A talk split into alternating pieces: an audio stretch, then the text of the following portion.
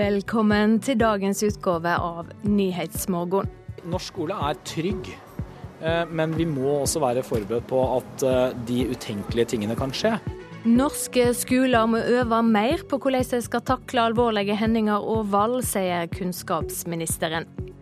Badet er et av de farligste rommene for eldre. Vi skal straks høre om en nordisk oppfinnerkonkurranse som kan hjelpe de som ønsker å bli buende hjemme. Jo Lunder hevder han ble manipulert av sine egne da han var sjef i det delvis Telenor-eide selskapet VimpelCom. Og Den internasjonale olympiske komiteen vil ha flere kvinnelige sjefer. Det skal Erna Solberg hjelpe dem med. Riktig god morgen i studio i dag, Silje Sande. Norske skoler må forberede seg bedre på at alvorlige situasjoner kan skje. Det sier altså kunnskapsminister Torbjørn Røe Isaksen. Tre av ti norske skoler har ikke hatt det eneste beredskapsøving i løpet av de siste tre åra. Det er for dårlig, mener kunnskapsministeren. Vi må være forberedt på at også ting som er forferdelige, kan skje. Eh, situasjoner hvor noen kan bruke mm, våpen eller eh, å gå direkte etter barn og unge for å gjøre dem vondt. Denne måneden publiserte Utdanningsdirektoratet tallene for hvor mye norske skoler øver på farlige, voldelige hendelser. På landsbasis har 73% av skolene hatt en beredskapsøvelse i løpet av de siste tre skoleårene. Tallet burde vært 100, mener Røe Isaksen. Vi burde øve på det vi, vi kaller for uforutsette eh, voldelige hendelser. På samme måte som vi øver på brann. Eksempler på slike øvelser er gisselsituasjoner, skoleskyting og annen pågående vold. Øvelser det er vanskelig å øve på, ifølge Margrethe Jardeng, som er rektor på Madlamark skole i Stavanger. Vi merket det når vi sitter og har en, en øvelse rundt bordet, så ser vi at det er så mye forskjellig som kan skje. Og jeg kan på en måte ikke lage noen sikre rutiner for alt. Derfor så syns jeg det er vanskelig. Det er skoler på Sør- og Vestlandet som kommer dårligst ut på lista over hvem som øver mest. Men selv om det oppfordres til mer kunnskap om sikkerhet, er norske skoler trygge, ifølge både politiet og kunnskapsministeren. Ja, altså vi, Norsk skole er trygg. Eh, men vi må også være forberedt på at eh, de utenkelige tingene kan skje. Reportasjen var laga av Randi Midtskog og Lise Andreassen Hagir. Jo Lunder hevder han ble manipulert av sine egne da han var sjef i det delvis Telenor-eide selskapet VimpelCom. Det skriver Dagens Næringsliv. Ifølge Justisdepartementet i USA var det svikt i interne system som gjorde korrupsjon i VimpelCom mulig.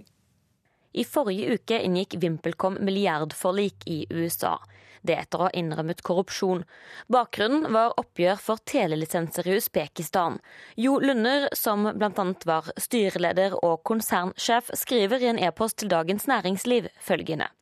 Det vil uansett for alle bedrifter være vanskelig å ha tilfredsstillende kontroll når systemene bevisst omgås, manipuleres og ikke følges av egne ledende ansatte. Lunder ble i fjor høst varetektsfengslet siktet for korrupsjon av Økokrim, men løslatt etter kort tid. Hans advokat sier at forliket i USA frikjenner Lunder, fordi det amerikanske justisdepartementet legger skylden på et par personer i ledelsen som systematisk holdt informasjon tilbake og lurte ledelsen. Reporter Elise Heisel Asbjørnsen. Så dagens aviser. Nav må rydde opp, sier den nye arbeidsministeren til VG. Byråkrati motvirker at folk kommer i jobb, sier Anniken Hauglie. Fredag skal det velges ny president i det internasjonale fotballforbundet Fifa. I salen sitter 205 menn med røysterett og to kvinner. Aftenposten har snakka med ei av dem. Isha Johansen fra Sierra Leone har møtt massiv motstand i heimlandet på sin vei inn i Fifa. Dagbladet forteller hvordan du demper knesmerter. Halvparten av oss blir råka, men en vektnedgang på bare fem kilo kan være nok for å forebygge plager i knærne. Kundene rømmer høyrentefond, skriver Finansavisen. Fondet Holberg Kreditt har hatt en elendig start på året, ned 8% hittil, og 7% av kundene forsvant i januar. Bergens Tidende skriver om den store kjedekollisjonen i Bergen i går. Det var speilglatt og livsfarlig. Det bare måtte gå galt, sier Jeanette Fagerli, som fikk en smell i nakken da en lastebil lenger bak ikke greide å stoppe. Opposisjonen ber regjeringa om å legge asylfakta på bordet, skriver Dagsavisen. Neste uke skal statsminister Solberg møte partnerne i asylforliket på Stortinget. Da må hun svare for det som er uklart når det gjelder tallgrunnlag og mangler i grunngjevinga for innstrammingene i asylpolitikken. Uansett hvordan det går i den britiske EU-avrøstinga, vil det styrke den norske nei-sida, sier nestleder i Arbeiderpartiet Trond Giske til Klassekampen. Han tror flere land vil få ulik tilknytningsform til EU.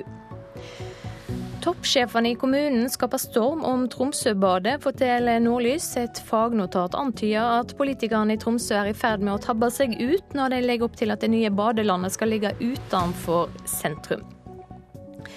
Rekordmange krangler om utmark, ifølge Nasjonen. Jordskifteretten har aldri handsama så mange saker som nå, og det er tvister om retten til naturressurser som øker mest.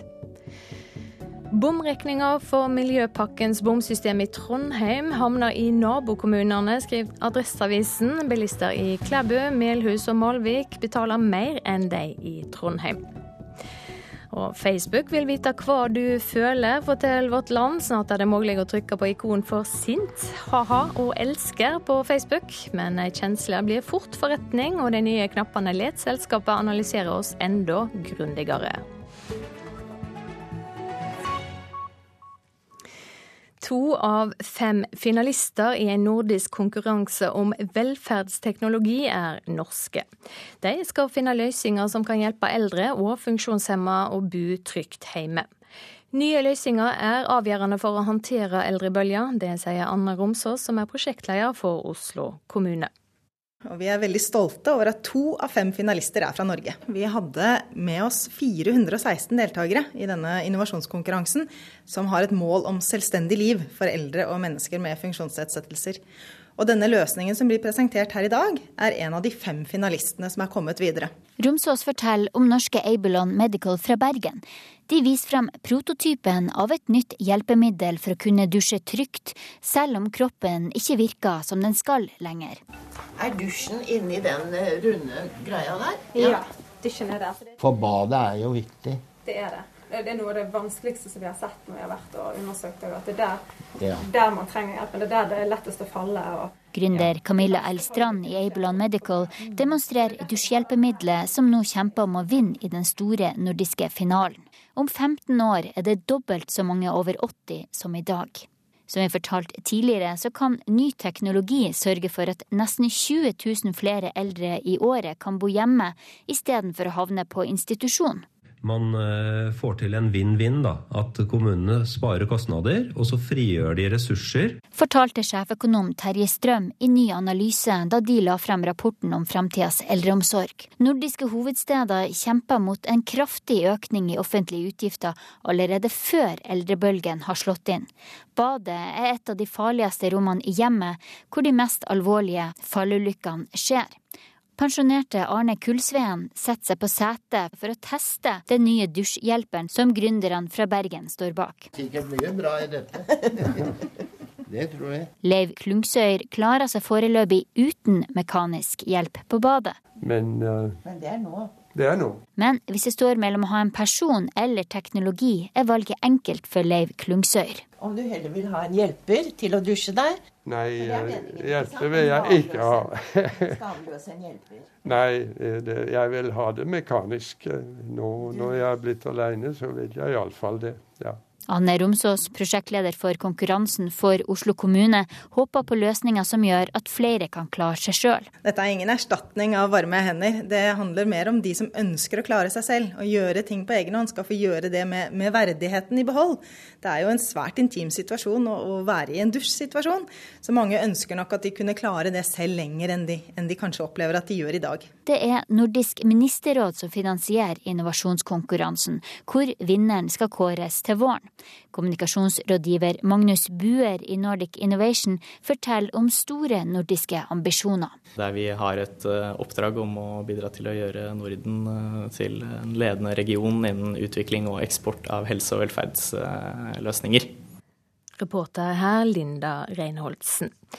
Med meg i studio nå, professor i geriatri ved Universitetet i Oslo og overlege ved Oslo universitetssykehus, Torgeir Brun Willer. Vi hører her at ny teknologi er avgjørende for å håndtere eldrebølger. Hva tenker du om det? Jeg tenker at eh, teknologi er et element som kan være viktig for noen, for mange kanskje.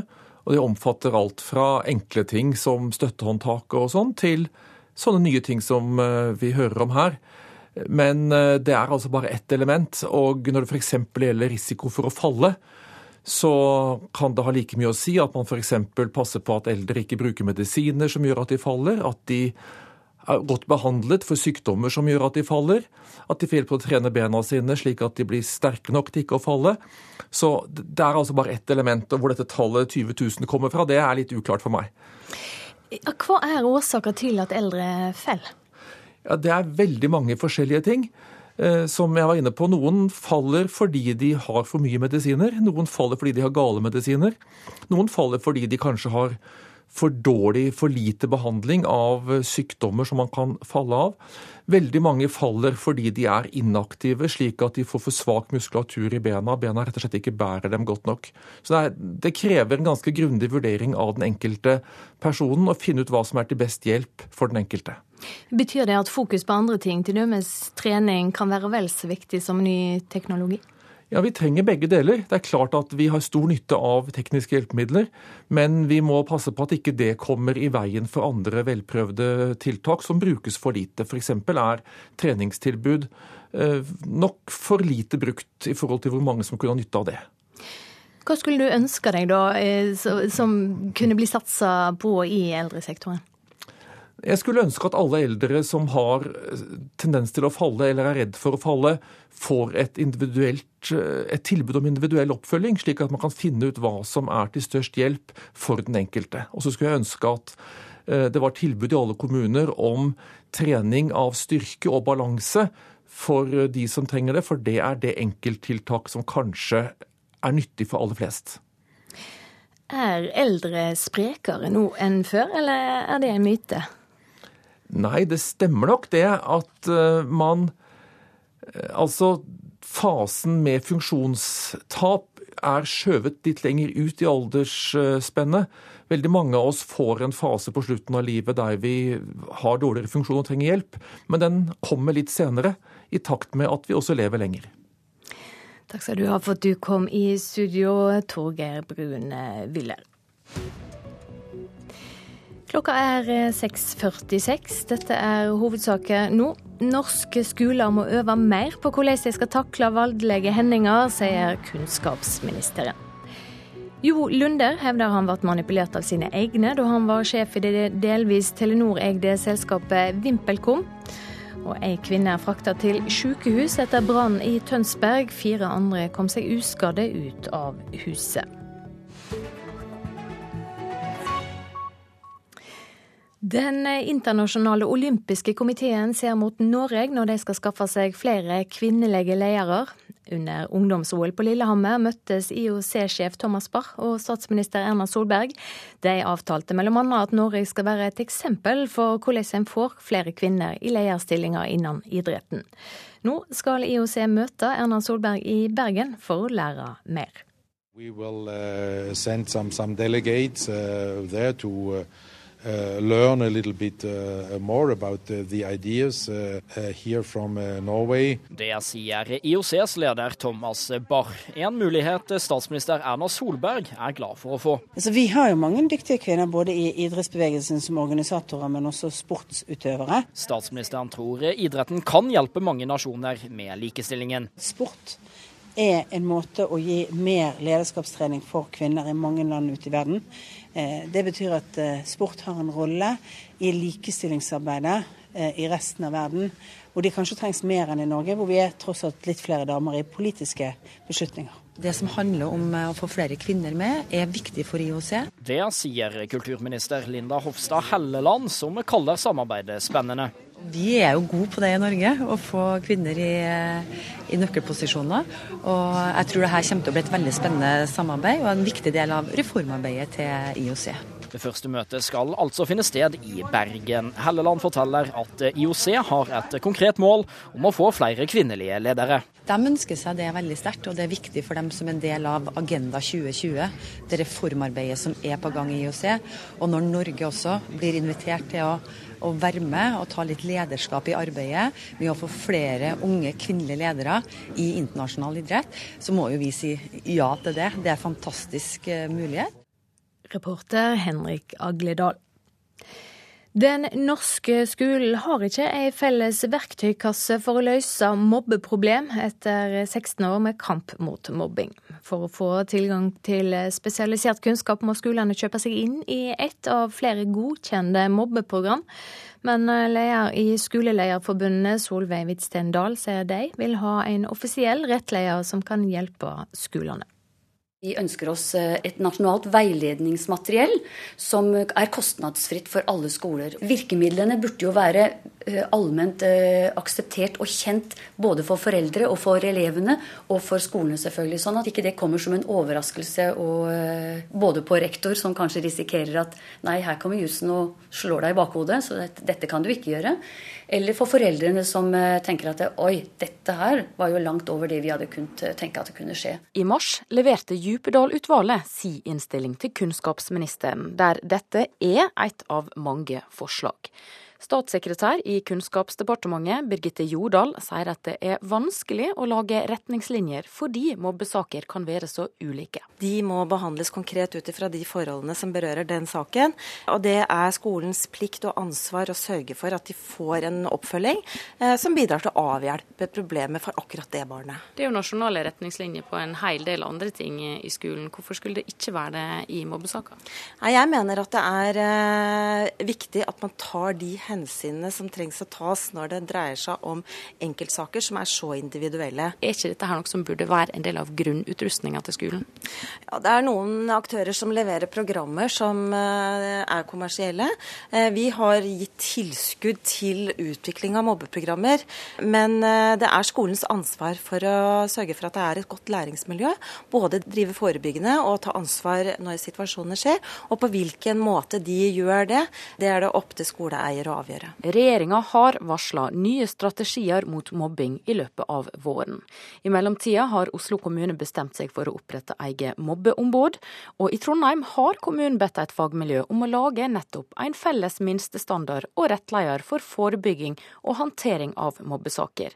Hvitstendal synes det er rart at det ikke finnes en slik nasjonal standard en kan jobbe ut ifra. Det ville være mye enklere hvis vi i større grad snakka samme språket rundt på, på, alle skoler, og hvor problemene kunne diskuteres eh, på en, en, en mer felles plattform.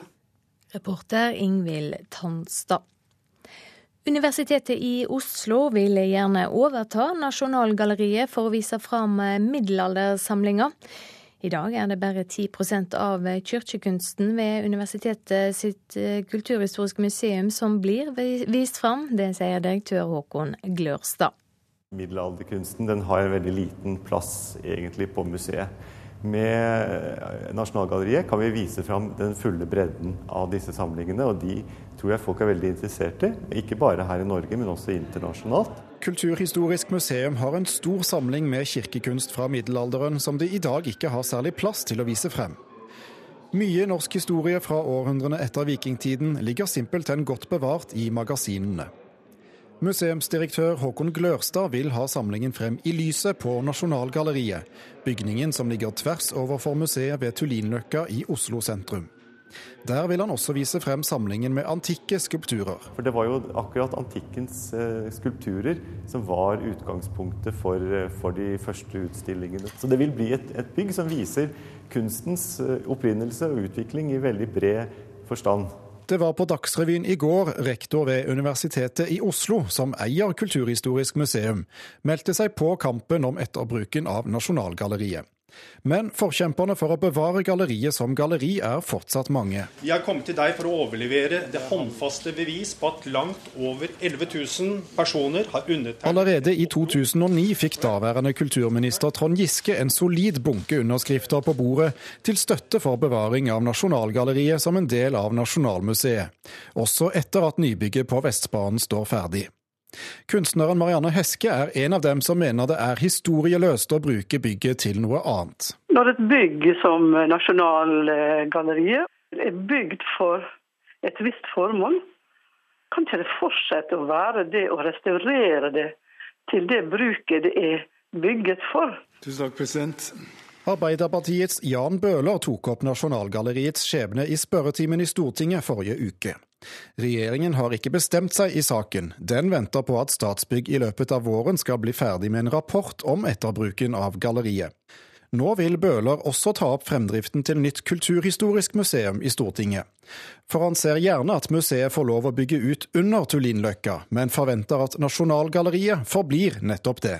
Ja, det ville blitt et uh, fantastisk attraktivt område hvis vi hadde fått et uh, nytt, moderne kulturhistorisk museum der, med universitetets middelaldersamlinger, og samtidig hadde Nasjonalgalleriet fortsatt til stede der med sin uh, sentrale rolle i, blant nasjonale norske kunstmuseer. Reporter Thomas Alvarstein Ove. Thomas Gullestad, kjent som rapperen Fingeren i Klovner i kamp, skal spille krigshelten Jan Baalsrød i Harald Svart sin nye film Den tolvte mann. Gullestad, som ikke har skuespillererfaring, kunne ikke tro det da han fikk rolla. Jeg har fått sånne folk. Du har fått en bærer Den store forskjellen den dagen det er folk som bærer ting for deg. Han kaster jakken over til produsenten for filmen han skal spille i, idet han går foran kamera til Dagsrevyen. Han har akkurat fortalt det norske folk at han skal spille krigshelten Jan Baalsrud i Hollywood-regissør Harald Svarts neste film. Thomas Gullestad, som er kjent som programleder på TV, og rapperen Fingeren i Klovner i kamp, har ingen skuespillererfaring. For å være helt ærlig så tenkte jeg at nå er det noen som lurer meg. tenkte jeg. Er, er, det, er det sant? Dette har jeg hatt så lyst til så lenge. Den casting- og prøvefilmingsprosessen har vært ganske lang. I ti år har Harald Svart jobbet med en film om motstandsmannen Jan Baalsrud sin flukt gjennom Troms i Sverige i 1943 etter et mislykket oppdrag. Nå er finansieringen på plass, og filmen skal spilles inn i Troms. Harald Svart sier Gullestad var den desidert beste kandidaten til å spille Baalsrud. Eh, det var en eller annen naturlighet i replikken. Han, han kunne gå steder inni seg selv som jeg syntes var flott å se. Og så er det da denne vennligheten og personligheten som jeg eh, alltid har syntes Thomas har hatt. da, En, en, eh, en slags lekenhet som, som, jeg opplever at Jan Baalsrud også hadde. Det er ikke første gangen historien om Baalsrud blir film. Den norske Oscar-vinneren Ni liv av Arne Skauen fra 1957 handler også om Jan Baalsrud. Svarts film skal hete Den tolvte mann, og blir mer et karakterdrama enn en actionfilm, sier Svart mye mer eh, indre konflikt, holdt jeg på å si. Jeg trodde aldri jeg skulle si det, de ordene der. hvor, hvor, eh, hvor, du rett og slett skal forsøke å føle hvordan det er å ligge helt alene og ikke vite de skrittene du hører. Er, er stryker jeg med nå? Eh, hvilke dilemmaer disse menneskene Han falt jo inn på dørterskelen til folk som plutselig ble stilt overfor et problem. Skal vi hjelpe han å risikere vårt eget liv? Eller, og de var liksom aldri i tvil. De var selvfølgelig må vi hjelpe han. Jan Baalsrud syns ikke det var riktig at det som var hans eh, Eh, det som ble fortalt om han, var at han var den store helten. Han syns jo alle som hjalp han, var den store helten. Mm. Og det ville han få frem, og det var noe av motivasjonen til at denne historien nå kommer fram igjen. Harald Svart er kjent for filmer som Karate Kid, Ping Panther 2 og The Mortual Instruments City of Bones. Men denne filmen skal spilles inn på norsk i Norge. Thomas Gullestad har allerede begynt å forberede seg, for innspillingen starter i april. Han har lest mye, og den slanke mannen må slanke seg 15 kilo til. Vi skal, jo, vi skal jo være mye der hvor de faktiske hendelsene utspilte seg. Eh, og det er ikke et veldig hyggelig terreng. Reporter Eirin Venås Sivertsen. Vi skal ha et værvarsel som gjelder fram til midnatt. Fjellet i Sør-Norge nordvestlig bris, periodevis frisk bris. I kveld forbigående stiv kuling lengst nord. Enkelte snøbyger i nordlige og vestlige områder, ellers opphold og perioder med sol. Austafjells nordvestlig bris, liten kuling på kysten vest for Lindesnes. Stort sett eh, fint vær, men noe mer skyer i Vest-Agder. Rogaland og Hordaland nordvest liten kuling utsatte steder. På kysten periodevis stiv kuling. Enkelte snøbyger, regnbyger på kysten. Sogn og Fjordane nordvest liten kuling utsatte steder. På kysten stiv kuling, kortvarig og sterk kuling først på dagen. Snøbyger, regnbyger på kysten, og flest byger blir det i Nordfjord. Møre og Romsdal får nordvest liten og periodevis stiv kuling utsatte steder. Snøbyger, regnbyger på kysten, utrygt for torevær.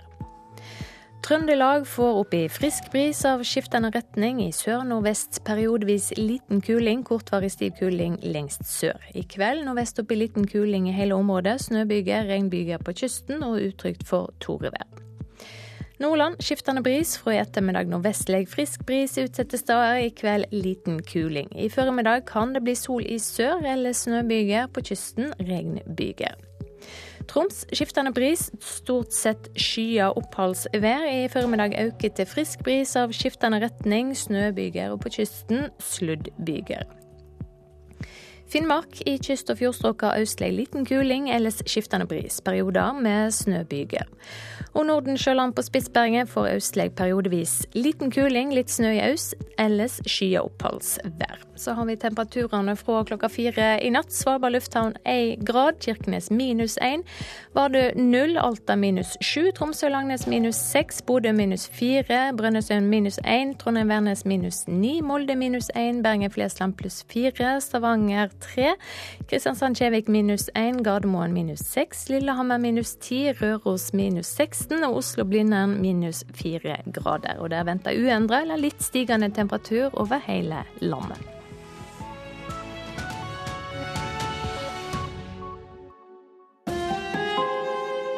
Hør ekko.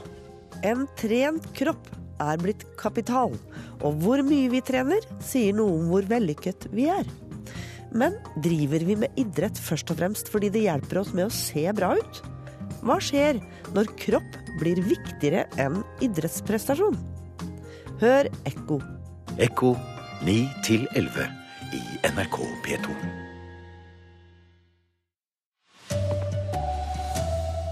Det blir vindkraftutbygging i Trøndelag for Europas største vindkraftanlegg på land. Og norske gründere er finalister i konkurranse om å finne trygge løsninger for eldre.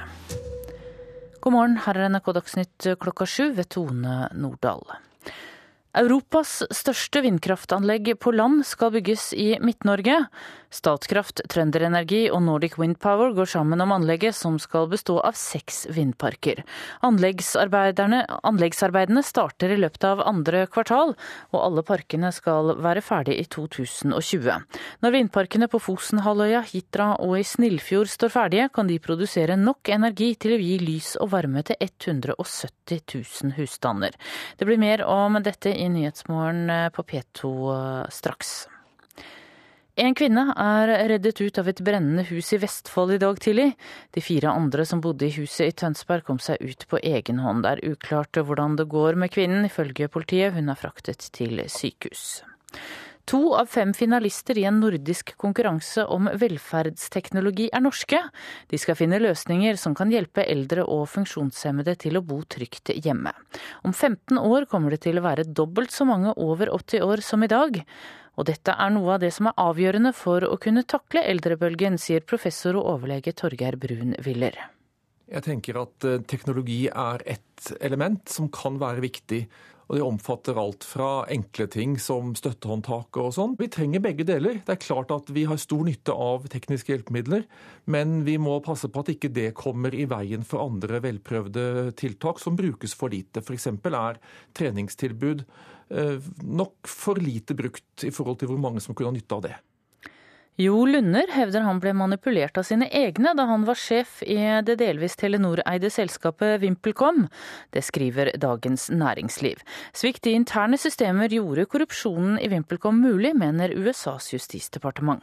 I forrige uke inngikk VimpelCom milliardforlik i USA. Det etter å ha innrømmet korrupsjon. Bakgrunnen var oppgjør for telelisenser i Usbekistan. Jo Lunder, som var bl.a. styreleder og konsernsjef, skriver i en e-post til Dagens Næringsliv. Det vil uansett for alle bedrifter være vanskelig å ha tilfredsstillende kontroll når systemene bevisst omgås, manipuleres og ikke følges av egne ledende ansatte. Lunder ble i fjor høst varetektsfengslet og siktet for korrupsjon, men løslatt etter kort tid.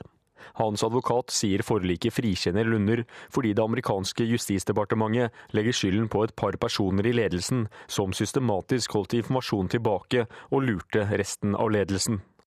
Det sa reporter Vegard Valestrand. Det var NRK Dagsnytt. Og her i Nyhetsmorgen skal vi straks høre mer om den store vindkraftutbygginga i Trøndelag. Norge utviser fem ganger flere enn for ti år siden. Forskere er uroa for hva det gjør med rettstryggheten.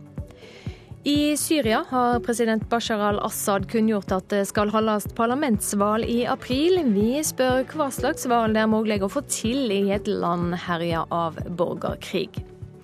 Og det innvandringskritiske partiet Alternativ for Tyskland er nå det tredje største partiet i landet. Vår korrespondent har møtt partilederen og spurt om hvorfor. Ja, Statkraft har altså bestemt seg for å bygge ut flere store vindkraftanlegg på Fosen og i Snillfjord i Trøndelag. Vi har med oss konsernsjef i Statkraft, Christian Rønning Tønnesen fra Tyholt i Trondheim. Hva kan du fortelle om det det nå har bestemt eh, dere for?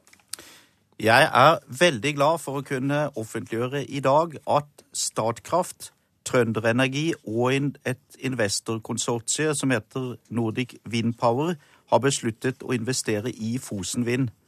Det er en satsing på vindkraft som Norge hittil ikke har sett maken til.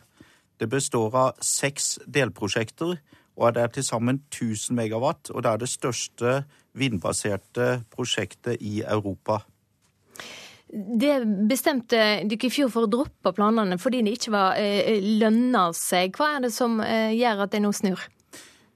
Eh, vi har jobbet videre etter juni, hvor det helt riktig var slik at vi ikke fikk lønnsomhet i prosjektet. Og det nye, det nye er at vi har fått tillatelse til å bygge mer vindkraft på Fosenhalvøya, som har best vindforhold. I tillegg så har det vært en teknologiutvikling eh, som har gjort eh, at, eh, at vindmøllene har blitt eh, mer effektive og produserer mer. Så til sammen så har dette gjort at vi nå har et prosjekt som er lønnsomt, og som ble besluttet eh, i går kveld.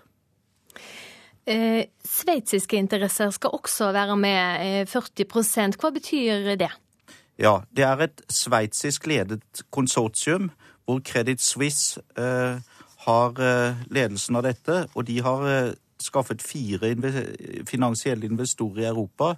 Fire andre fond som går inn som medinvestorer sammen med Trønderenergi og Statkraft i dette prosjektet. Så her blir det eh, et norskledet prosjekt fra Statkraft og med støtte av Trønderenergi, men med fire utenlandske investorer inne i parallell.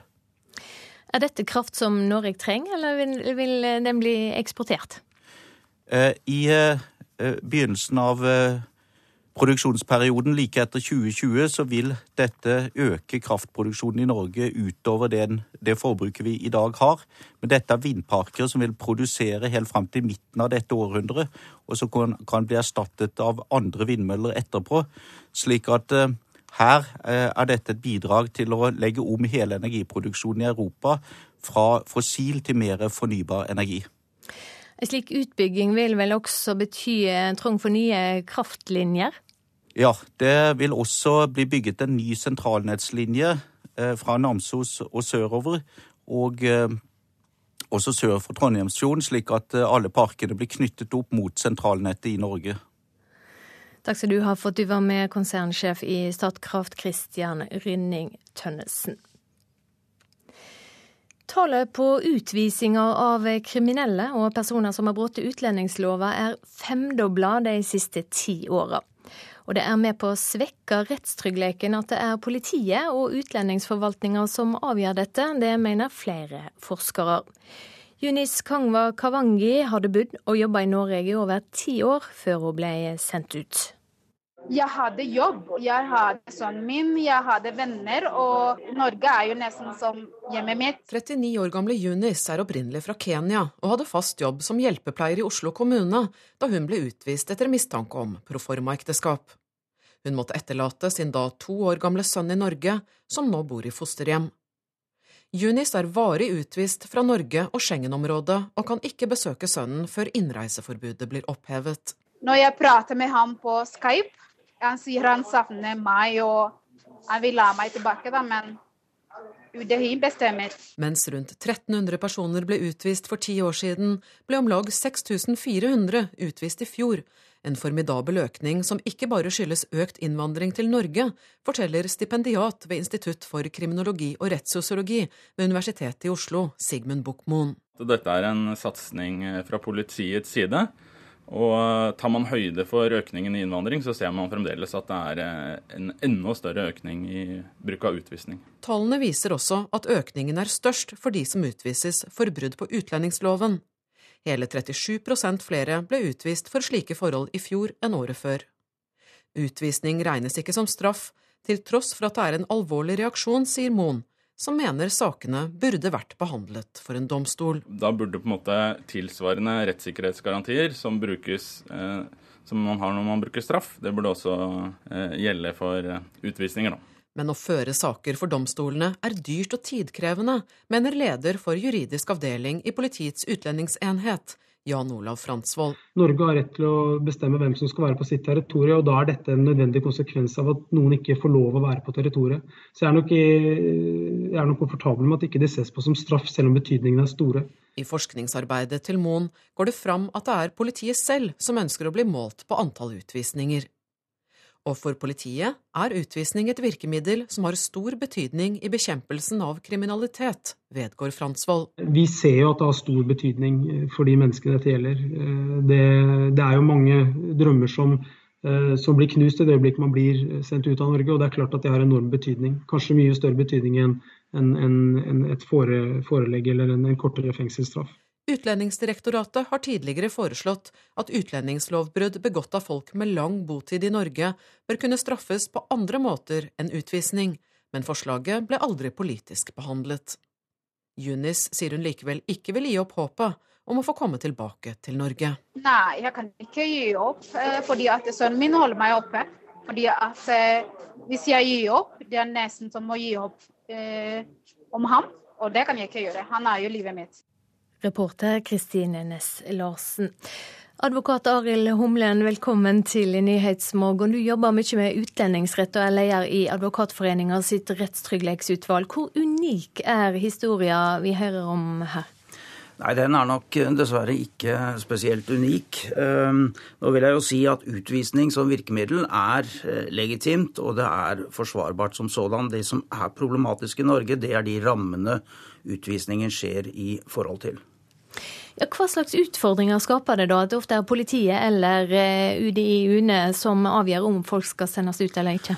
Vel, Vi har en kontroversiell praksis i Utlendingsnemnden og Utlendingsdirektoratet når det gjelder anvendelsen av utvisning i visse sammenhenger. Det er spesielt på tre områder. Og på disse tre områdene så har det i en betydelig grad vært eh, dommer som kjenner utvisningsvedtakene ugyldig.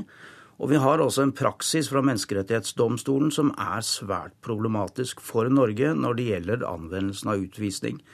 De sakene som har vært ført på 2000-tallet, og som har med utvisning og inngrep i privat- og familieliv å gjøre, der har Norge tapt 60 av sakene for, i, i, saker som er behandlet av Menneskerettighetsdomstolen. Altså Domstolen har funnet at vi har krenket Menneskerettighetskonvensjonen i 60% av de sakene.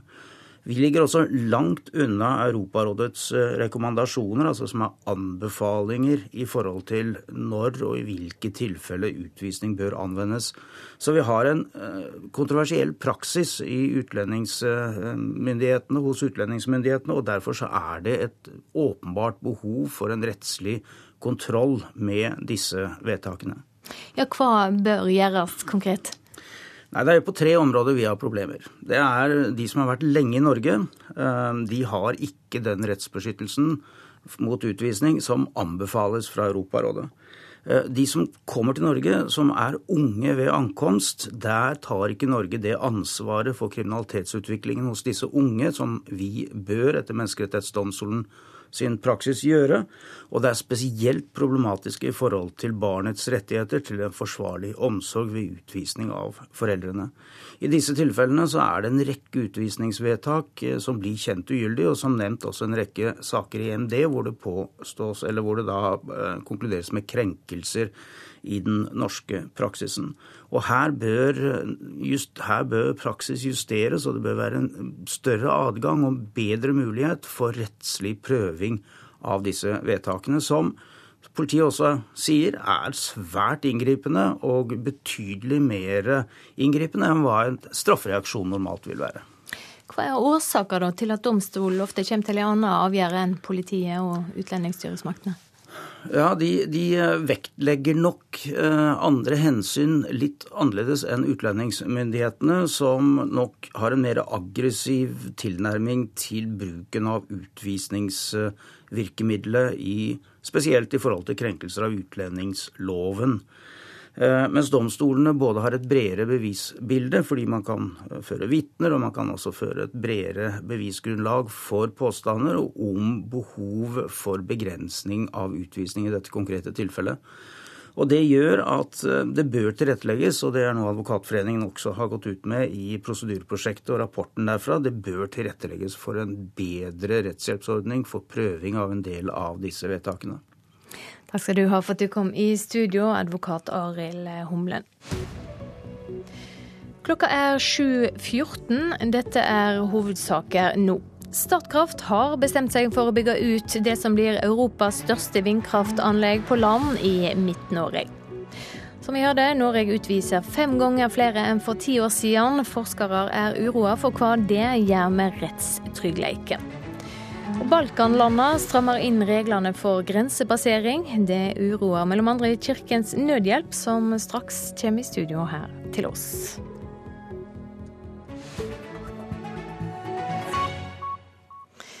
I Syria har president Bashar al-Assad kunngjort at det skal holdes parlamentsvalg i april. Kunngjøringa kom noen få timer etter at USAs utenriksminister offentliggjorde den russisk-amerikanske avtalen om våpenstillstand. Og Midtøsten-korrespondent Sigurd Falkenberg Mikkelsen, hva slags valg kan det bli i Syria etter fem år med krig? Det er ikke godt å si. Det virker som eh, mange ble overrasket over denne annonseringen til Bashar al-Assad om eh, parlamentsvalg. Eh, og det er altså usikkert om den var koordinert med hans russiske og iranske allierte. Det er klart at å gjennomføre et valg i Syria nå vil være uhyre vanskelig, både pga. krigshandlingene og fordi så mange er fordrevet. De gjennomførte et parlamentsvalg i mai 2012, men siden det så har det jo blitt betraktelig verre i Syria. og veldig veldig store deler av befolkningen er altså fordrevet ut av landet. og Spørsmålet er hvordan valg f.eks. skal gjøres med hele da, denne store diasporaen, om de får lov til å være med eller ikke. Hvem er det som uh, står på valg? Nei, Det er jo ikke kommet noen eh, valglister eller eh, noen ting etter at denne annonseringen eh, kom. Det som skjedde sist, var at valget ble, som vanlig er i Syria, dominert av Bashar al-Assads eget Bat-parti. Det er jo de som regjerer. Og selv om det er også noen opposisjonspartier som deltar, så er det ikke noen tvil om hvor makten sitter. Og det er vel ikke noen grunn til å tro at dette blir annerledes, med mindre noe drastisk og radikalt skulle skje i løpet av de neste månedene. Ja, 13. april er altså datoen som er pekt ut. Foreløpig er jo store deler av landet kontrollert av opprørsstyrker eller eh, IS.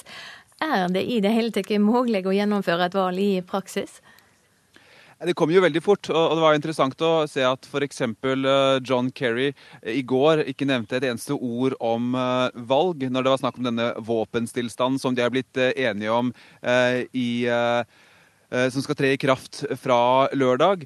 Eh, I den Wien-planen og Genéve-planen som er lagt opp for Syria, så det, ligger det et valg eh, innebakt i de planene, men ikke så raskt. Og det er ikke umulig at dette var et taktisk utspill fra Assad og regimets del oppi den viktige situasjonen Syria er nå. Takk så langt, Midtøsten-korrespondent Sigurd Falkenberg Mikkelsen. Vi skal eh, tilbake til nyheten om at eh, Statkraft skal bygge ut flere store vindkraftanlegg på Fosen, Hitra og i Snillfjord i Midt-Norge. Investeringa er altså på kring 11 milliarder kroner. Med oss på telefon nå, næringsminister Monica Mæland. Hva er din reaksjon på denne utbygginga? Nei, Dette er en veldig veldig god eh, nyhet. Dette blir en av de største eh, vindkraftutbyggingene i Europa. Og det blir definitivt en av de største satsingene i eh, Fastlands-Norge på veldig veldig lenge. Så dette er en veldig viktig og veldig gledelig beslutning. Hvordan vurderer du eh, behovet for dette anlegget? Nei, Det er uten tvil eh, behov for sikrere kraftforsyning. og det er klart at Eh, vi eh, er opptatt av å satse på fornybar. Eh, og dette blir altså en av de største landbaserte vindkraftanleggene i Europa. Og det er jeg veldig glad for. Så er det ikke bare norske selskap som skal delta i prosjektet. Hva betyr det internasjonale samarbeidet her? Nei, Jeg tror det er veldig viktig. Statkraft har jo en lang internasjonal erfaring. Er eksperter på fornybar, og de har fått til et godt samarbeid eh, nå med andre partnere, som også har vurdert dette prosjektet å være lønnsomt, og det er veldig viktig. Takk skal du ha for at du var med, næringsminister Monica Mæland.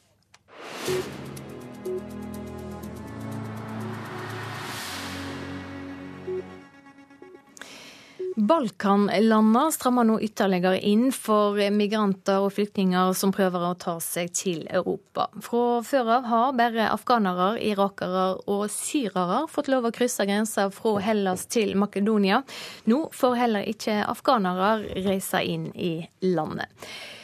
I studio nå, nødhjelpsleder Gudrun Bertinussen fra Kirkens Nødhjelp. Du har vært i Serbia det frykter at eh, dette vil føre til en opphoping av flyktninger ved grensene. Hva konsekvenser ser, ser det? Ja, vi jobber i disse transittleirene inne i Makedonia, både på nordgrensen og sørgrensen. Og de lokale hjelpearbeiderne vi jobber sammen med, de forteller at det allerede nå er opphopninger både i transittleiren i nord og i transittleiren i sør i Makedonia. Og det er spesielt afghanerne som nå er fortvilet og ber om råd og om hva de nå skal gjøre. Vi vet at allerede er noen startet å ta seg tilbake til Hellas. Mange er frustrerte og forsøker å ta seg over grensen til Serbia ved å klippe seg gjennom dette grensegjerdet som er satt opp. Det er satt opp noe dobbelt grensegjerde inn til, til Macedonia fra, uh, fra, Hellas. Så de flyktningene som er der nå, er i villrede. Og vi trenger også på kort sikt praktiske løsninger for de tusenvis som nå hoper seg opp i transittleirene i Makedonia, men også i Hellas. Hva råd får de, og hva gjør de? De eh, forholder seg jo til eh, nyhetssendinger og informasjon på grensene om eh, endret politikk i de forskjellige europeiske landene. Og de vet ikke noe mer enn hva de får vite når de kommer til grenseovergangene. Så nå har eh, en del stått da på grensene i, i, i går og ventet og får vite at grensene inn til Europa blir stengt. Da forsøker de å finne veier, eh, ulovlige veier, da, ved å ta seg over grensene. Og de som er der for å gi dem råd, det er smuglerne.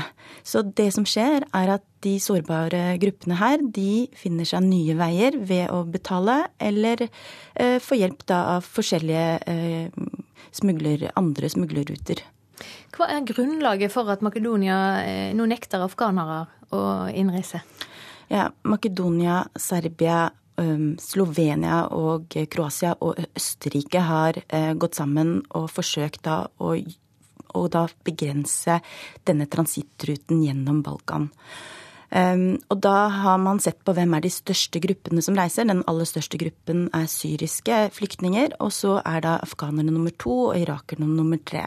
Og så mener vel disse landene at afghanerne har mindre uh, rett til beskyttelse, og da utelukker den gruppen for at færre skal reise over denne grensen. Helt kort til slutt, eh, hva kan gjøres? På kort sikt så må noe gjøres nå for å avhjelpe forholdene i transittleirene. Fordi dette kommer raskt til å hope seg opp med tusenvis av mennesker i Makedonia og i Hellas. Takk skal du ha for at du kom i studio, Gudrun Bertinussen fra Kirkens Nødhjelp. Det innvandringskritiske partiet Alternativ for Tyskland er nå det tredje største partiet i Tyskland. Partilederen sier til NRK at hun har en klar idé om hvorfor. Also wir sehen, dass die politische Diskussion in Deutschland seit Jahren darunter leidet, dass es gerade keine offene Diskussion mehr gibt und dass die Bürger Vi ser at diskusjonen i Tyskland i flere år har lidd av at den ikke har vært åpen, og at velgerne har følelsen av at de andre partiene kun tilbyr de samme løsningene. Jeg mener imidlertid at det er forfriskende for et demokrati at vi har kontroversielle diskusjoner både når det gjelder situasjonen i Europa og migrantsituasjonen, sier Frauke Petri. 40-åringen med doktorgrad i kjemi leder det som nå er landets tredje største parti, Alternativ for Tyskland, kort kalt AFD. Det innvandringskritiske partiet ble grunnlagt i 2013 av folk som var skeptiske til eurosonen og til at Tyskland skulle redde søreuropeiske land fra finanskrisa. Men etter at partiet tok en høyresving ved valget av Petri som partileder i juli i fjor, og bestemte seg for å fokusere mer på spørsmål om innvandring, har mange av grunnleggerne tatt sterk avstand. Under pressekonferansen i Berlin i går hadde partilederen nok en gang en oppvisning i det som har blitt hennes kjennemerker. Svært talefør og med en unik evne til å manøvrere seg unna vanskelige spørsmål. En italiensk journalist spør f.eks.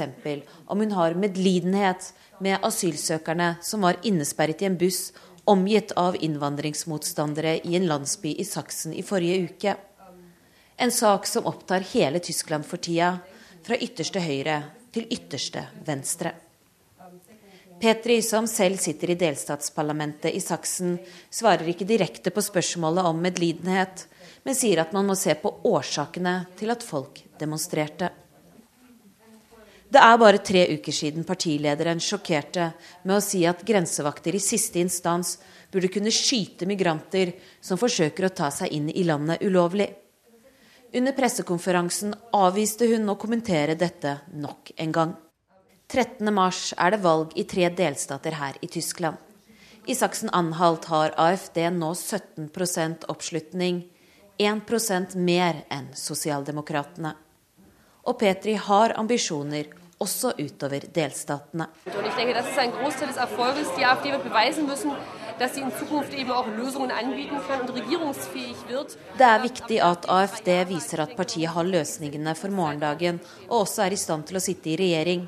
Men partiet er bare tre år gammelt, så vi trenger fortsatt tid til å utvikle oss, sier hun. Guri Nordstrøm, Berlin. Vi tar en kikk på dagens aviser. Nav må rydde opp, sier den nye arbeidsministeren. Byråkrati motvirker at folk kommer i jobb, sier Anniken Hauglie til VG.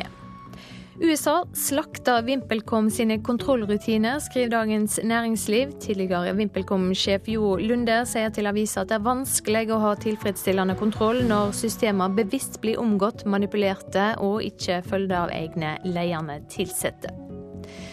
Bergens Tidende skriver om den store kjedekollisjonen i Bergen i går. Det var speilglatt og livsfarlig. Det bare måtte gå galt, sier Jeanette Fagerli, som fikk en smell i nakken da en lastebil lenger bak ikke greide å stoppe.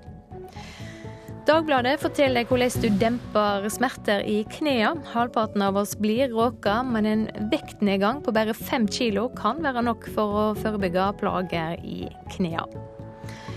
Opposisjonen ber regjeringa om å legge asylfakta på bordet, skriver Dagsavisen. Neste uke skal statsminister Solberg møte partnerne i asylforliket på Stortinget. Da må hun svare for det som er uklart når det gjelder tallgrunnlag og mangler i grunngjevinga for innstrammingene i asylpolitikken. Toppsjefene i kommunen skaper storm om Tromsøbadet, forteller Nordlys. Et fagnotat antyder at politikerne i Tromsø er i ferd med å tabbe seg ut når de legger opp til at det nye badelandet skal ligge utenfor bysentrum. Uansett hvordan det går i den britiske EU-avrøstinga, vil det styrke den norske nei-sida, sier nestleder i Arbeiderpartiet Trond Giske til Klassekampen. Han tror flere land vil få ulik tilknytningsform til EU.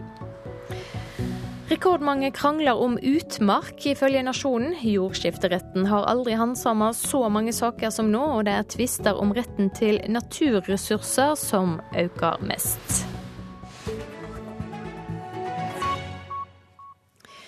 Ra ungdomsskole i Larvik er mobilfri. Det gjør at støynivået på skolen har økt kraftig. Det har ikke rektor noe imot. Vi har fått flere bordtennisbord, vi har fått airhockey og vi har fått eh, flere ting å holde på med i friminutt enn det vi hadde før, for at vi skal holde på med noe annet enn mobil. Det forteller elevrådsleder Magnus Røsand. Mobilfri skole ble innført etter gode resultater fra et prøveprosjekt. Derfor bestemte lærere, elever og foreldre at mobiltelefonen fra høsten 2015 skulle være i et skap. Høyt støynivå slår imot deg når du kommer inn på torget i et av friminuttene. Rektor Simen Aas Løver er faktisk glad for at desibelnivået har gått opp. Jeg syns det er bra. Eh, for det viser jo at, eh, at ungdom eh, snakker sammen og er i aktivitet med hverandre. Og det så vi mindre av før. Flere ungdomsskoler i Norge er mobilfrie. I Vestfold holdes elevers mobiltelefoner på Borgheim ungdomsskole på Nøtterøy og Kvelde skole i Larvik i skap. Elevrådsleder Magnus Røsand på Ra ungdomsskole ser flere fordeler med ordningen. Det å gå med mobilfri skole er et stort steg for oss. Vi har gått to år med mobil. Og det er mange som har brukt en bil for å være sosiale, så jeg er veldig usikker på om det ville funke. Men etter hvert som at det gikk, så har vi jo merka at vi har blitt bedre til å snakke med hverandre. Vi snakker mer enn vi gjorde før. Savner du aldri å ta opp eh, mobilen i løpet av skoletida? Selvfølgelig hadde det vært greit å hatt opp mobilen her og der, men eh, jeg skjønner jo også det at det er greit at vi har mobilfri skole. Men selv om Ra ungdomsskole har positive resultater, vil ikke oppvekstsjef Jan Erik Norder i Larvik kommune innføre mobilfrie ungdomsskoler i hele kommunen. Norder sier mobiltelefonen er kommet for å bli, og vil at skolene skal lære elevene gode holdninger. Det kan av og til være fristende å eh, forby alt man ikke liker. Vel så viktig vil det nok være å jobbe med de holdninger og hvordan ting faktisk brukes. Så kan noen synes at det er greit i forståelse med alle aktørene i skolen å eh, forby dette her. Andre steder finner man andre måter som gjør at dette faktisk fungerer ganske bra. Reporter her, det var Hege Therese Holto. Produsent for Nyhetsmorgen i dag, Ulf Tannes Fjell. Her i studio, Silje Sande.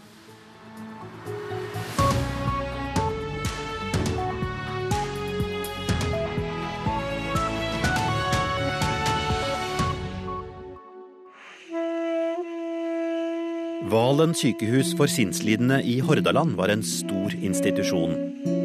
En av mange pasienter var lyrikeren Olav H. Hauge. Jeg skulle få sitte på et eget rom der da, og lese korrektur. Hør radiodokumentaren 'Lyrikk og lobotomi' lørdag klokka ti i NRK P2.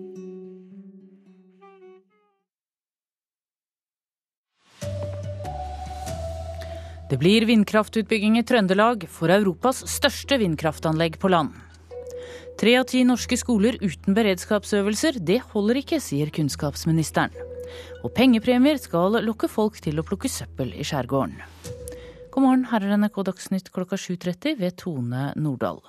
Ja, Det største vindkraftanlegget på land i Europa skal altså bygges i Midt-Norge.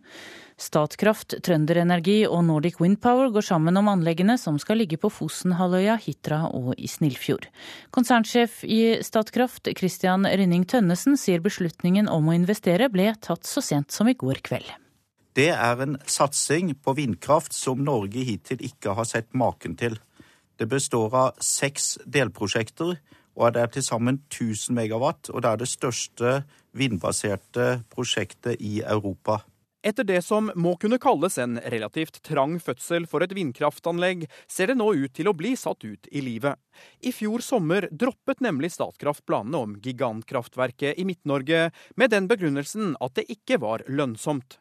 Etter et par ukers politisk spetakkel lovte imidlertid Statkraft og partnerne å se på planene en gang til. Og nå, seks måneder etter, er det blitt lønnsomt, forteller Rynning Tønnesen. Det nye er at vi har fått tillatelse til å bygge mer vindkraft på Fosenhalvøya, som har best vindforhold. I tillegg så har det vært en teknologiutvikling eh, som har gjort eh, at, eh, at vindmøllene har blitt eh, mer effektive og produserer mer. Så til sammen så har dette gjort at vi nå har et prosjekt som er lønnsomt, og som ble besluttet eh, i går kveld. Byggestart for anlegget blir andre kvartal i år, og etter planen skal vindmøllene være oppe og stå i løpet av 2020. Da vil anlegget kunne gi lys og varme til 170 000 husstander. Dette er vindparker som vil produsere helt fram til midten av dette århundret, og som kan, bli erstattet av andre vindmøller etterpå. Slik at eh, her eh, er dette et bidrag til å legge om hele energiproduksjonen i Europa fra fossil til mer fornybar energi. Reporter her, Halvard Norum. Ja, statsminister Erna Solberg er med oss på telefon nå. Hvilken betydning får denne utbyggingen? Ja, altså Dette er jo gode nyheter for Statkraft og deres partnere. Det er både viktig fordi vi får til et av de største industriprosjektene i Fastlands-Norge, og at det gir mer eh, fornybar energi og produksjon i Norge. Det danner grunner for både klimavennlig næringsutvikling og det danner grunner for arbeidsplasser. Så en serie av gode nyheter den siste uken både fra, fra eh, Hydro på Karmøy og Elkem på Herøya, så er dette veldig gode nyheter både for miljø og for uh, industri og arbeidsplasser. Ikke alle er enig i at det er gode nyheter. Naturvernere er bekymret bl.a. for fuglelivet og for utmark som har stått urørt i flere hundre år. Hvilke hensyn skal utbyggerne ta til det? De skal ta hensyn til det i måten de tilpasser utbyggingen. Men det er av og til et dilemma at eh, klimamålene ønsker å ta mer fornybar energi, vil kunne gjøre endringer i naturen. Det er ikke bare norske selskaper som skal delta i dette prosjektet. Hvor stor betydning har eh, dette internasjonalt? Dette er et stort europeisk prosjekt. Eh, det betyr at ved siden av vannkraften, som gjør at Norge er ledende på fornybar energi, så vil vi ligge høyt oppe på vindkraft også. Og så vet vi at eh, Norge er en del av løsningen for energiutfordringene i Europa for å gjøre dem mer klimavennlige, og med også mer vindkraft inn i, inn i systemet, så blir det enda, enda bedre fremover. Og vi kommer til å trenge energi hvis vi skal ha industriutvikling i Norge også frem. Takk for at du var med oss i Dagsnytt, statsminister Erna Solberg. Antall utvisninger av kriminelle og personer som har brutt utlendingsloven er femdoblet de siste ti årene. At det er politiet og utlendingsforvaltningen som avgjør dette, og ikke domstolene, bidrar til å svekke rettssikkerheten, mener forskerne. Yunis Kangwa Kavangi hadde bodd og jobbet i Norge i over ti år før hun ble utvist. Jeg hadde jobb, jeg hadde sønnen min, jeg hadde venner, og Norge er jo nesten som hjemmet mitt. 39 år gamle Yunis er opprinnelig fra Kenya og hadde fast jobb som hjelpepleier i Oslo kommune da hun ble utvist etter mistanke om proforma-ekteskap. Hun måtte etterlate sin da to år gamle sønn i Norge, som nå bor i fosterhjem. Junis er varig utvist fra Norge og Schengen-området og kan ikke besøke sønnen før innreiseforbudet blir opphevet. Når jeg prater med ham på Skype, han sier han savner meg og han vil ha meg tilbake, da, men UDI bestemmer. Fem ganger så mange blir utvist i dag som for ti år siden. En formidabel økning som ikke bare skyldes økt innvandring til Norge, forteller stipendiat ved Institutt for kriminologi og rettssosiologi ved Universitetet i Oslo, Sigmund Buchmoen. Dette er en satsing fra politiets side. Og tar man høyde for økningen i innvandring, så ser man fremdeles at det er eh, en enda større økning i bruk av utvisning.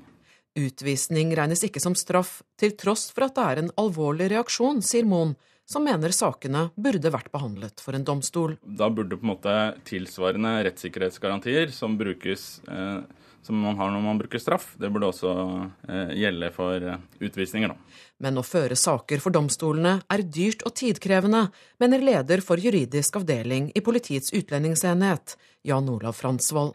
Norge har rett til å bestemme hvem som skal være på sitt territorium, og da er dette en nødvendig konsekvens av at noen ikke får lov å være på territoriet.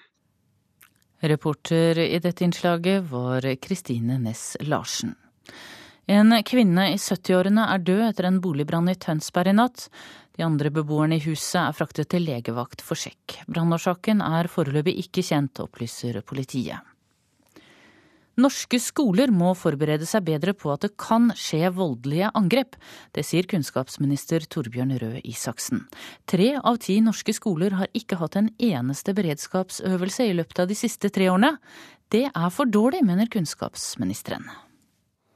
Vi må være forberedt på at også ting som er forferdelige, kan skje. Eh, situasjoner hvor noen kan bruke mm, våpen eller eh, å gå direkte etter barn og unge for å gjøre dem vondt. Denne måneden publiserte Utdanningsdirektoratet tallene for hvor mye norske skoler øver på farlige, voldelige hendelser.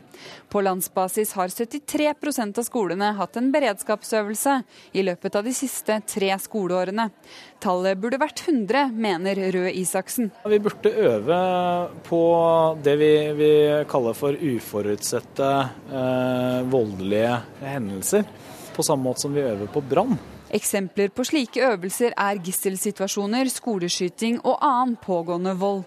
Øvelser det er vanskelig å øve på, ifølge Margrethe Jardeng, som er rektor på Madlamark skole i Stavanger. Vi merket det når vi sitter og har en, en øvelse rundt bordet, så ser vi at det er så mye forskjellig som kan skje. Og jeg kan på en måte ikke lage noen sikre rutiner for alt. Derfor så syns jeg det er vanskelig. Det er skoler på Sør- og Vestlandet som kommer dårligst ut på lista over hvem som øver mest. Men selv om det oppfordres til mer kunnskap om sikkerhet, er norske skoler trygge, ifølge både politiet og kunnskapsministeren. Ja, altså vi, Norsk skole er trygg, eh, men vi må også være forberedt på at eh, de utenkelige tingene kan skje. Det sa kunnskapsminister Torbjørn Røe Isaksen. Reportere her var Randi Midtskog og Lise Andreassen Hager. Store mengder søppel har drevet inn på strender, holmer og skjær i vinter. Det viser en befaring i nasjonalparken på Hvaler i Østfold i helgen. Men nå gir en ny idé håp om en renere skjærgård langs hele norskekysten. Et kystlotteri skal nemlig lokke folk til å plukke søppel. Et eller annet sted må det begynne, og alt hjelper. Som guttunge fant Sten Jonny Hellberg skatter i fjæra. Nå tyter det over av plast og søppel. Det er jo trist, og det er jo, et, det er jo ikke et problem som bare gjelder eh, Norge. Å nei, det er ikke tomt i år heller. Det flyter, det kommer inn, og det tar liksom aldri slutt. Årets første befaring i nasjonalparken på Hvaler i helgen viser at skjærgården er full av søppel også i år, forteller forvalter Monica Olsen. Jeg syns jo det er skremmende, egentlig. Fordi det har faktisk ganske store konsekvenser for eh, naturen og dyrelivet. Alt det marine søppelet fikk Hellberg til å komme opp med ideen Kystlotteriet, som rulles ut for fullt i løpet av våren. Vi skal lage en eh, lotterifunksjon rundt det å plukke søppel. Og belønne folk med saftige premier for å plukke og levere søppel i skjærgården. Det betyr at du plukker søppel, fester en brikke til posen som hentes av Skjærgårdstjenesten, og du er med i trekningen av flere tusen kroner og en rekke andre gevinster. Jeg tror alle vil ha en, en ren skjærgård. Og den innsatsen som blir gjort med, på strandryddedagen og sånn, er jo helt eh, fenomenal. Men det å få en liten ekstra dimensjon her, at du kan faktisk blir belønna med fine premier for å, for å, gjøre det, tror jeg kan uh, gjøre susen. Reporter i dette innslaget var Anette Torjussen. Ansvarlig for Dagsnytt i dag, Elin Pettersen.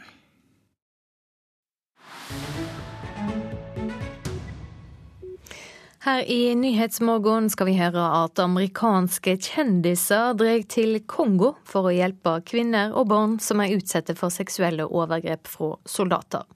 Men er det ofrene eller kjendisene som får mest ut av det? Det er tema i en ny dokumentarfilm.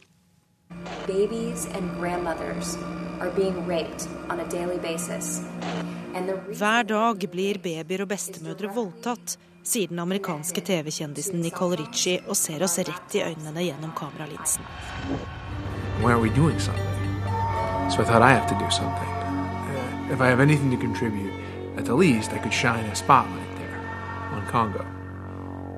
Skuespiller Ben Affleck er en annen som bruker kjendisstatusen i et forsøk på å få slutt på omfattende voldtekt av kvinner og jenter i Kongo. Humanitarian porn. That's what we call it.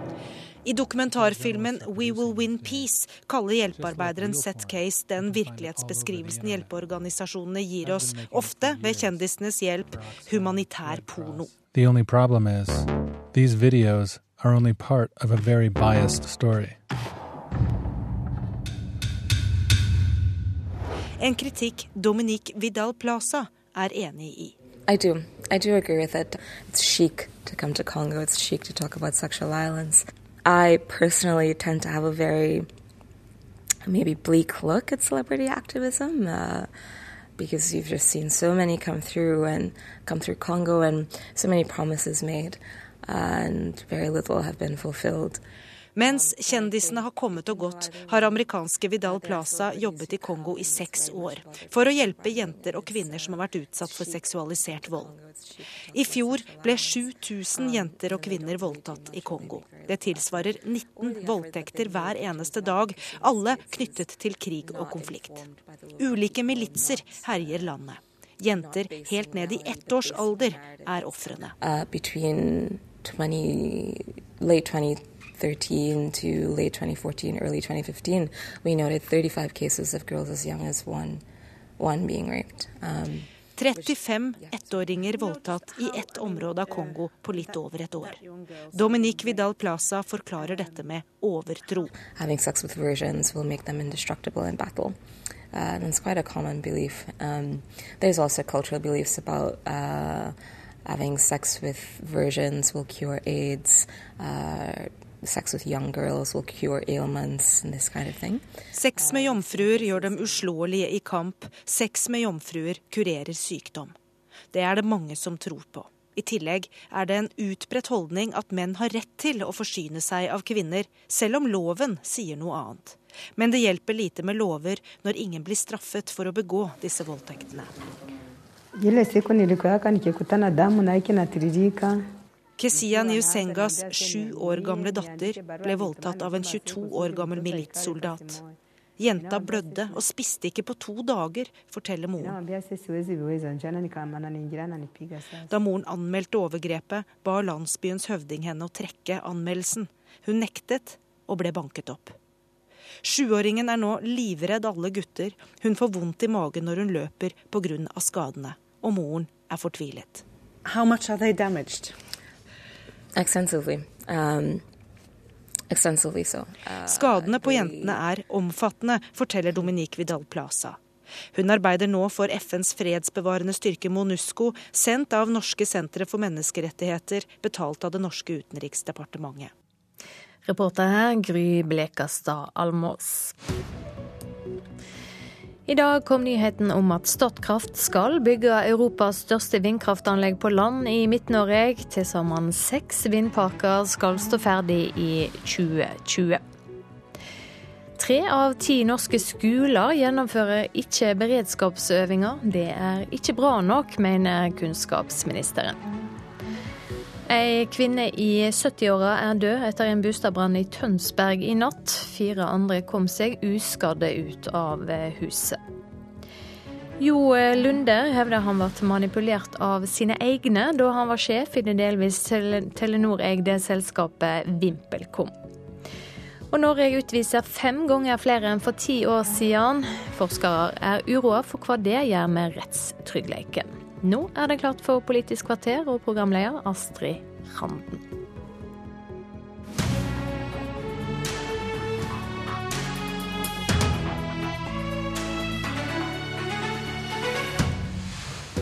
Ville du blitt redd eller roligere om du møtte en gjeng kledd i svarte hettegensere med bilde av vikinghjelmer på i gata en sein nattetime? Odins soldater bør få honnør, mener Frp. Det er skremmende, sier Ap. Stavanger, Kristiansand, Drammen, Tromsø og Trondheim. Alle byer som har fått et nytt innslag i gatene på nattetid, nemlig Odins soldater. Grupper svartkledde som patruljerer i bygatene med mål om å beskytte. I Tønsberg stoler ikke nyverva soldater på at politiet klarer å holde ro i byen. Det er for mye som skjer i Tønsberg på nattestid til at de kan klare å holde situasjonen i ro overalt. Ronny Alte står i ei bakgate i Tønsberg hvor han akter å stoppe eventuelle kriminelle handlinger. Åpenlig salg av narkotika, uprovosert vold, seksuelle overgrep, tafsing, alle typer kriminalitet som begås i gaten.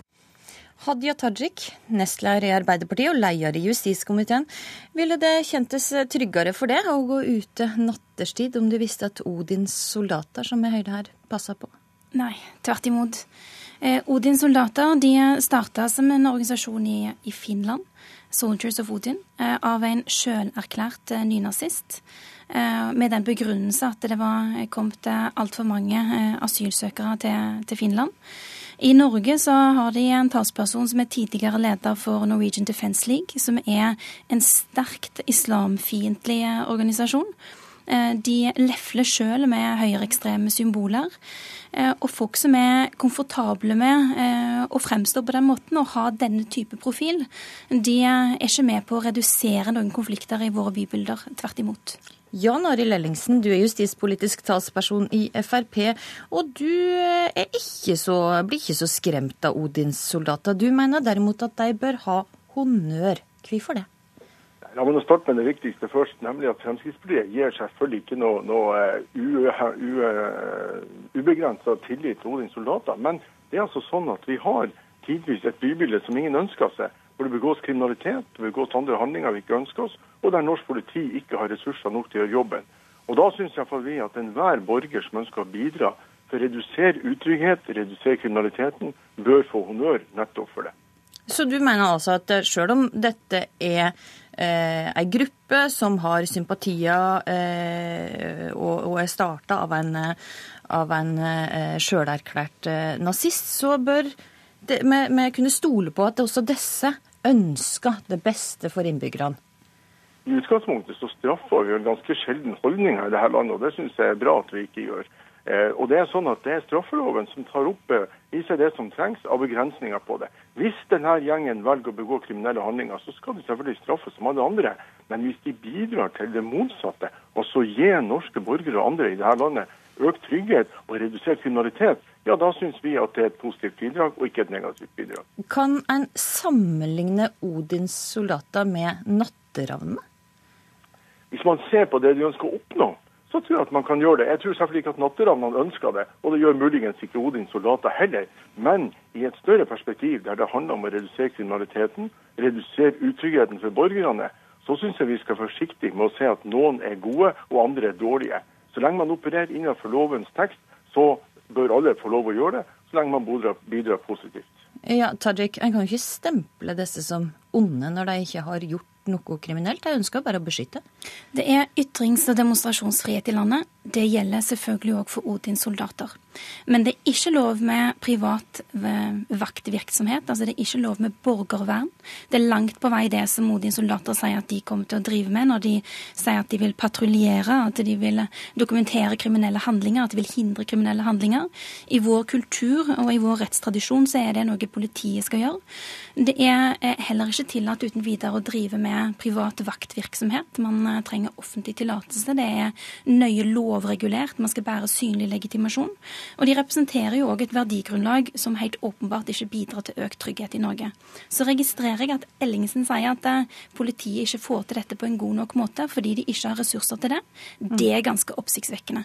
For det er hans justisminister Anders Anundsen som sitter i regjering nå, som har i oppgave å sikre at politiet har de ressursene de trenger for å holde det norske folk trygge. Hvis Ellingsen mener at det ikke er bra nok, så må han ta det opp med sin justisminister. Ja, Ellingsen. Ja, Det er vel også et faktum da til min kjære leder i justiskomiteen at selv i Arbeiderpartiets regjeringstid så greide man ikke å fjerne kriminaliteten. Og jeg tror heller ikke at det er mulig med dagens ressursøkning som regjeringen har inn, å fjerne utrygghet og fjerne all kriminalitet her i landet. Det vil ikke være mulig. Jeg vet ikke hvor store budsjetter vi må ta da. Og Derfor tenker jeg at utenfor de bevilgningene og den jobben politiet gjør, så er det positivt at andre ønsker å bidra. Det være seg natteravner eller andre. Og så kan vi selvfølgelig mislike holdninger, vi kan mislike bekledning, men til syvende og sist så har vi noen grensetrekninger her, og det er straffeloven. Nå har vi litt dårlig linje på det, Ellingsen, så jeg lurer på om du skal få lov til å flytte det bitte lite grann, og så skal jeg stille Hadia Tajik et spørsmål i mellomtida. Og det er altså sånn at eh, en har ikke blitt, Politiet er ikke enige om noe enhetlig strategi her. I Drammen så eh, fulgte en politibil denne gruppa rundt når de var ute i byen. I Finnmark ble de ønska velkommen, og i Kristiansand ble de vist bort. Hva bør politiet gjøre med denne gruppa? Når vi diskuterer dette, så må vi ta forbehold om at eh, det kan være lokale forhold som politiet kjenner til, knytta til enkeltpersoner som gjør at det er spesielt grunnlag for å følge noen tettere enn det man følger andre. Eller at de kan ha fått inn tips som gjør at de er nødt til å være tettere på enkelte steder enn det de er nødt til å være andre steder. Jeg forutsetter i hvert fall at politiet har samme type oppmerksomhet knytta til Odins soldater, en gruppering som har sitt utspring fra en eh, leder som sjøl sier at han er nynazist, på samme måte som de ville fulgt en gruppering som kaller seg sjøl islamistisk, eh, og som eh, måtte påstå at de tar til gatene for å bidra til økt trygghet i Norge. Ellingsen, hvordan mener du politiet bør forholde seg til Odins soldater? Jeg mener de skal forholde seg til straffeloven. Straffeloven er tydelig på hva som er akseptabelt og hva som ikke er akseptabelt. Og Det er ganske interessant å se de forskjellene i Politi-Norge. Der man eh, i Finnmark sier at det her ser man som OK ut, mens andre steder har man en helt annen tilnærming. Og Det kan selvfølgelig være sånn som Hadzik var inne på nå, at det er forskjellene som gjør at politiet holder et ekstra øye med dem. Og Det syns jeg er helt greit. Fordi at det er ingen som ønsker seg et privat eh, skal vi kalle det for noe, ikke vaktselskap, men, men noen soldater som driver og privatpraktiserer norsk lov her. Det har det ingenting med å gjøre. Samtidig er det et faktum at norske borgere har både en plikt og et ansvar for å gripe inn i situasjoner der kriminalitet begås. Så igjen, så lenge man opererer innenfor loven, så syns vi at dette er et positivt bidrag. Ellingsen og Fremskrittspartiet har en veldig naiv tilnærming til dette. Å snakke om Odins soldater på denne måten her, det er akkurat det samme som å si at islamistiske miljøer gjerne må uniformere seg og opptre i bybildet sånn som Odins soldater eh, gjør. Det mener jeg vil være veldig farlig. Det vil jeg ta sterkt avstand ifra. Det at man har ytrings- og demonstrasjonsfrihet, betyr ikke at man skal oppfordre til at eh, man skal stifte organisasjoner som driver med denne type borgervernsaktiviteter, som det Odins soldater sier at de gjør. Okay, Ellingsen, eh, kort til slutt. Altså, hvis det islamistiske miljøet hadde gått ut og sagt at de ønska å drive borgervern, hvordan hadde du sett på det? I utgangspunktet syns jeg ikke noe skal drive borgervern, men hvis enkeltpersoner ønsker å være ute og bidra til å redusere kriminaliteten, redusere utryggheten som borgerne føler, så hvor de kommer ifra. Og religion, etnisitet, hudfarge, språk er ganske uvesentlig for min del. For det er noe prinsipielt som må ligge i bunnen der, nemlig at man opererer innenfor loven, og at man gjør det til beste for samfunnet. Jan Arild Ellingsen, takk for at du var med oss i Politisk kvarter. Hadia Tajik, du blir med oss litt videre.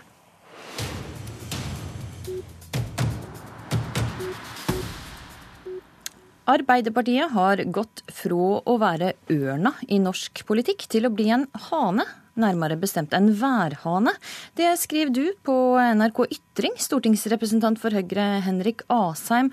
Og eh, hva mener du er grunnen til dette lite ærefulle hamskiftet som Ap har gått gjennom? Ja, Det er fordi Arbeiderpartiet nå, egentlig helt siden de kom i opposisjon, så har de vært et parti som det har vært umulig å forstå hva mener i de viktige, store debattene vi har i Norge.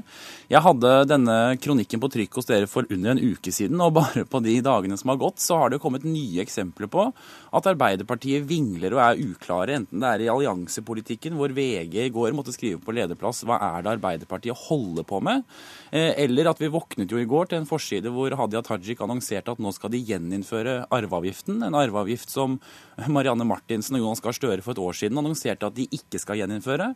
Og vi hadde ikke rukket engang å sette oss ned til lunsj før det kom en ny pressemelding fra Arbeiderpartiet som sa at det ikke er sikkert vi skal gjeninnføre arveavgiften. Sånn at det er så mange signaler og så mange meninger at et parti fremstår som det er tre-fire partier, for det kommer helt an på hvem du snakker med for hva partiet mener. Nestleder i Ap, Hadia Tajik. Det er altså tre-fire partier? Arbeiderpartiet nå? Nei. Det som er realiteten, er at eh, Høyre har latt det gå sport i å karakterisere ethvert politisk budskap som kommer fra Arbeiderpartiet, med den type begreper at de sier at vi driver med vingling. Og Det kan jo virke som at grunnen til at de gjør det, er jo fordi det krever ingen bakgrunnsforståelse å komme med den påstanden. Det er lett å komme med den, det er lett å eh, opptre med den, det er lett å få gehør for den. Bare for å ta ett konkret eksempel. Nå hadde vi nettopp en debatt med Fremskrittspartiet om Odins soldater. Da satt jeg og sa at det må være lov, eh, og, altså, det er ytrings- og demonstrasjonsfrihet, det er lov å ta til gatene, men at jeg samtidig sa at jeg tar sterkt avstand fra verdigrunnlaget deres, eh, og er mot at man skal drive med den type borgervernsaktiviteter. Mm. Med Høyre sin logikk så har jeg jo da både vært for og imot at Odins soldater opptrer i bybildet. Med deres logikk så er jo til og med det uklarhet og vingling. Men realiteten er at dette er en legitim, nyansert, komplisert politisk diskusjon, og Arbeiderpartiet er et ansvarlig parti som tar de tingene på alvor. Det er bare legitim nyansering som Arbeiderpartiet driver med. Det er noe du ikke forstår her? Altså, Nyansering i politikken er kjempeviktig. Eh, og det tror jeg både Høyre og Arbeiderpartiet er for. Men det som er det store problemet, er at Arbeiderpartiet mener ikke nyanserte ting. De mener stikk motsatte ting om den samme tingen. Altså, det, sant, Ta kommunereformen, hvor dere har hatt tror jeg, alle standpunkt det er mulig å ha. Asylpolitikken, hvor dere har hatt tror jeg, alle standpunkt det er mulig å ha. Jeg kan ramse opp oljepengebruk, hvor partilederen var for å bruke mer penger om morgenen og mot å bruke mer penger om kvelden. Og det store problemet med dette Hadia Tajik, det er jo ikke at dere er et nyansert parti, men at dere er et uklart og vinglete parti. Fordi vi vet ikke hvem vi forholder oss til. Og én ting er at Høyre og Fremskrittspartiet ikke vet helt hvem som stiller til valg mot oss. Men det som er mye mer alvorlig, er at velgerne ikke vet hvilke alternativer de har å velge mellom. Fordi dere ikke klarer å gi helt klare svar. Ta f.eks. arveavgiften. Men ett budskap om morgenen på en forside, et annet budskap til lunsj i en ny pressemelding. Ok, Ta akkurat det med arveavgifta. Legg merke til hva Der Asheim her gjør. sa, en, der sa dere først at vi vil ikke gjeninnføre arveavgifta. Nå sier du eh, I går sa du til Klassekampen at ja, vi vil, eh, vi vil se på en ny modell for arveavgifta. Ikke så rart at eh, det blir anklaga for vingling. Legg merke til hva han gjør. Ved at en kommer med den type påstand, den type merkelapp, så må jeg da bruke tid på å forklare hva som faktisk er sant. Selv om det han kommer med, er en falsk anklage. For det var Arbeiderpartiet som jo var med på av, å avvikle arveavgiften. Vi var med på å trappe den ned da vi selv satt i regjering. Det jeg har gitt uttrykk for, det er at vi i forbindelse med partiprogrammet for Arbeiderpartiet selvfølgelig må ta alle politiske debatter, inkludert å diskutere om eh, det går an å finne en skattemodell for eh, arv som er rettferdig. Det mener jeg er en fornuftig måte å drive politikkutvikling på. Se òg at i en tid der Norge opplever den høyeste arbeidsledigheten på over 20 år, så er det Høyre bruker tid på, det å komme med denne type karakteristikker. Det er jo, det er jo en karakteristikk som man nå kan bruke om deres egen politikk. Altså Den ene dagen så er de mot flyseteavgift, så er de for. Så er de for å fjerne lærere som ikke har kompetansekrav, så er de mot. Først så vil de kutte i barnetillegget til uføretrygden, så vil de ikke det. Ok, Jeg vil jo si du, at vingler, er- du vingler litt eh, du også, Høyrem her. Nei, altså Poenget er at Arbeiderpartiet har Nei, altså Arbeiderpartiet er seg på et spor hvor de sier at denne vingleanklagen det er noe som vi har funnet på inne på Høyres hus. Men det er altså ikke bare Høyre og Fremskrittspartiet som sier dette, det er nærmest et samlet pressekorps. Og ikke minst deres egne, Hadia Tajik. Når deres ordfører i Harstad sier jeg skulle ønske partiet kunne tørre å stå på det vi egentlig mener å være for kommunereform, så er ikke det mine ord. Når noen skriver på kronikkplass ingen vil ha en statsminister som snur knapp kappen etter vinden og endrer mening etter hvem han snakker med, så er ikke det mine ord. Det er ordene til lederen i Oslo AUF som skrev dette på kronikkplass. Og da er mitt poeng at dere kan ikke gjemme dere bak at dette på en måte er en ondskapsfull strategi fra politiske motstandere. Dette er realiteten. Hvis dere er lei av at folk påpeker at dere vingler, ikke klag på de som påpeker det, men slutt å vingle, og svar tydelig på de spørsmålene dere faktisk møter på. Kort en, eh, AUF, at en AUF-leder krever klare svar fra sin partileder, det skulle bare mangle. Det er det ungdomspolitikere gjør. Jeg forventer på en måte at Unge Høyre opptrer på samme måte. Men dette, dette er da sitater som Høyre da bruker tid på å leite fram og løfte fram i en tid der vår egen, altså landets statsminister, eh, står i Stortinget, tar avstand fra retorikken til og språkbruken til sin egen integreringsminister. En av de store, viktige diskusjonene i vår tid. Men Høyre sitt blikk på politikken, det å drive negativ kampanje mot sin motstander. De burde ta ansvar for landet, for eh, innvandringspolitikken, for integreringspolitikken, okay. for den høye arbeidsledigheten. I stedet stedet så er det her de legger inn energien sin. Eh, Hadia Tajik, Henrik Asheim, takk for at dere var med i Politisk kvarter. Denne sendinga er slutt. I studio i dag var Astrid Randen.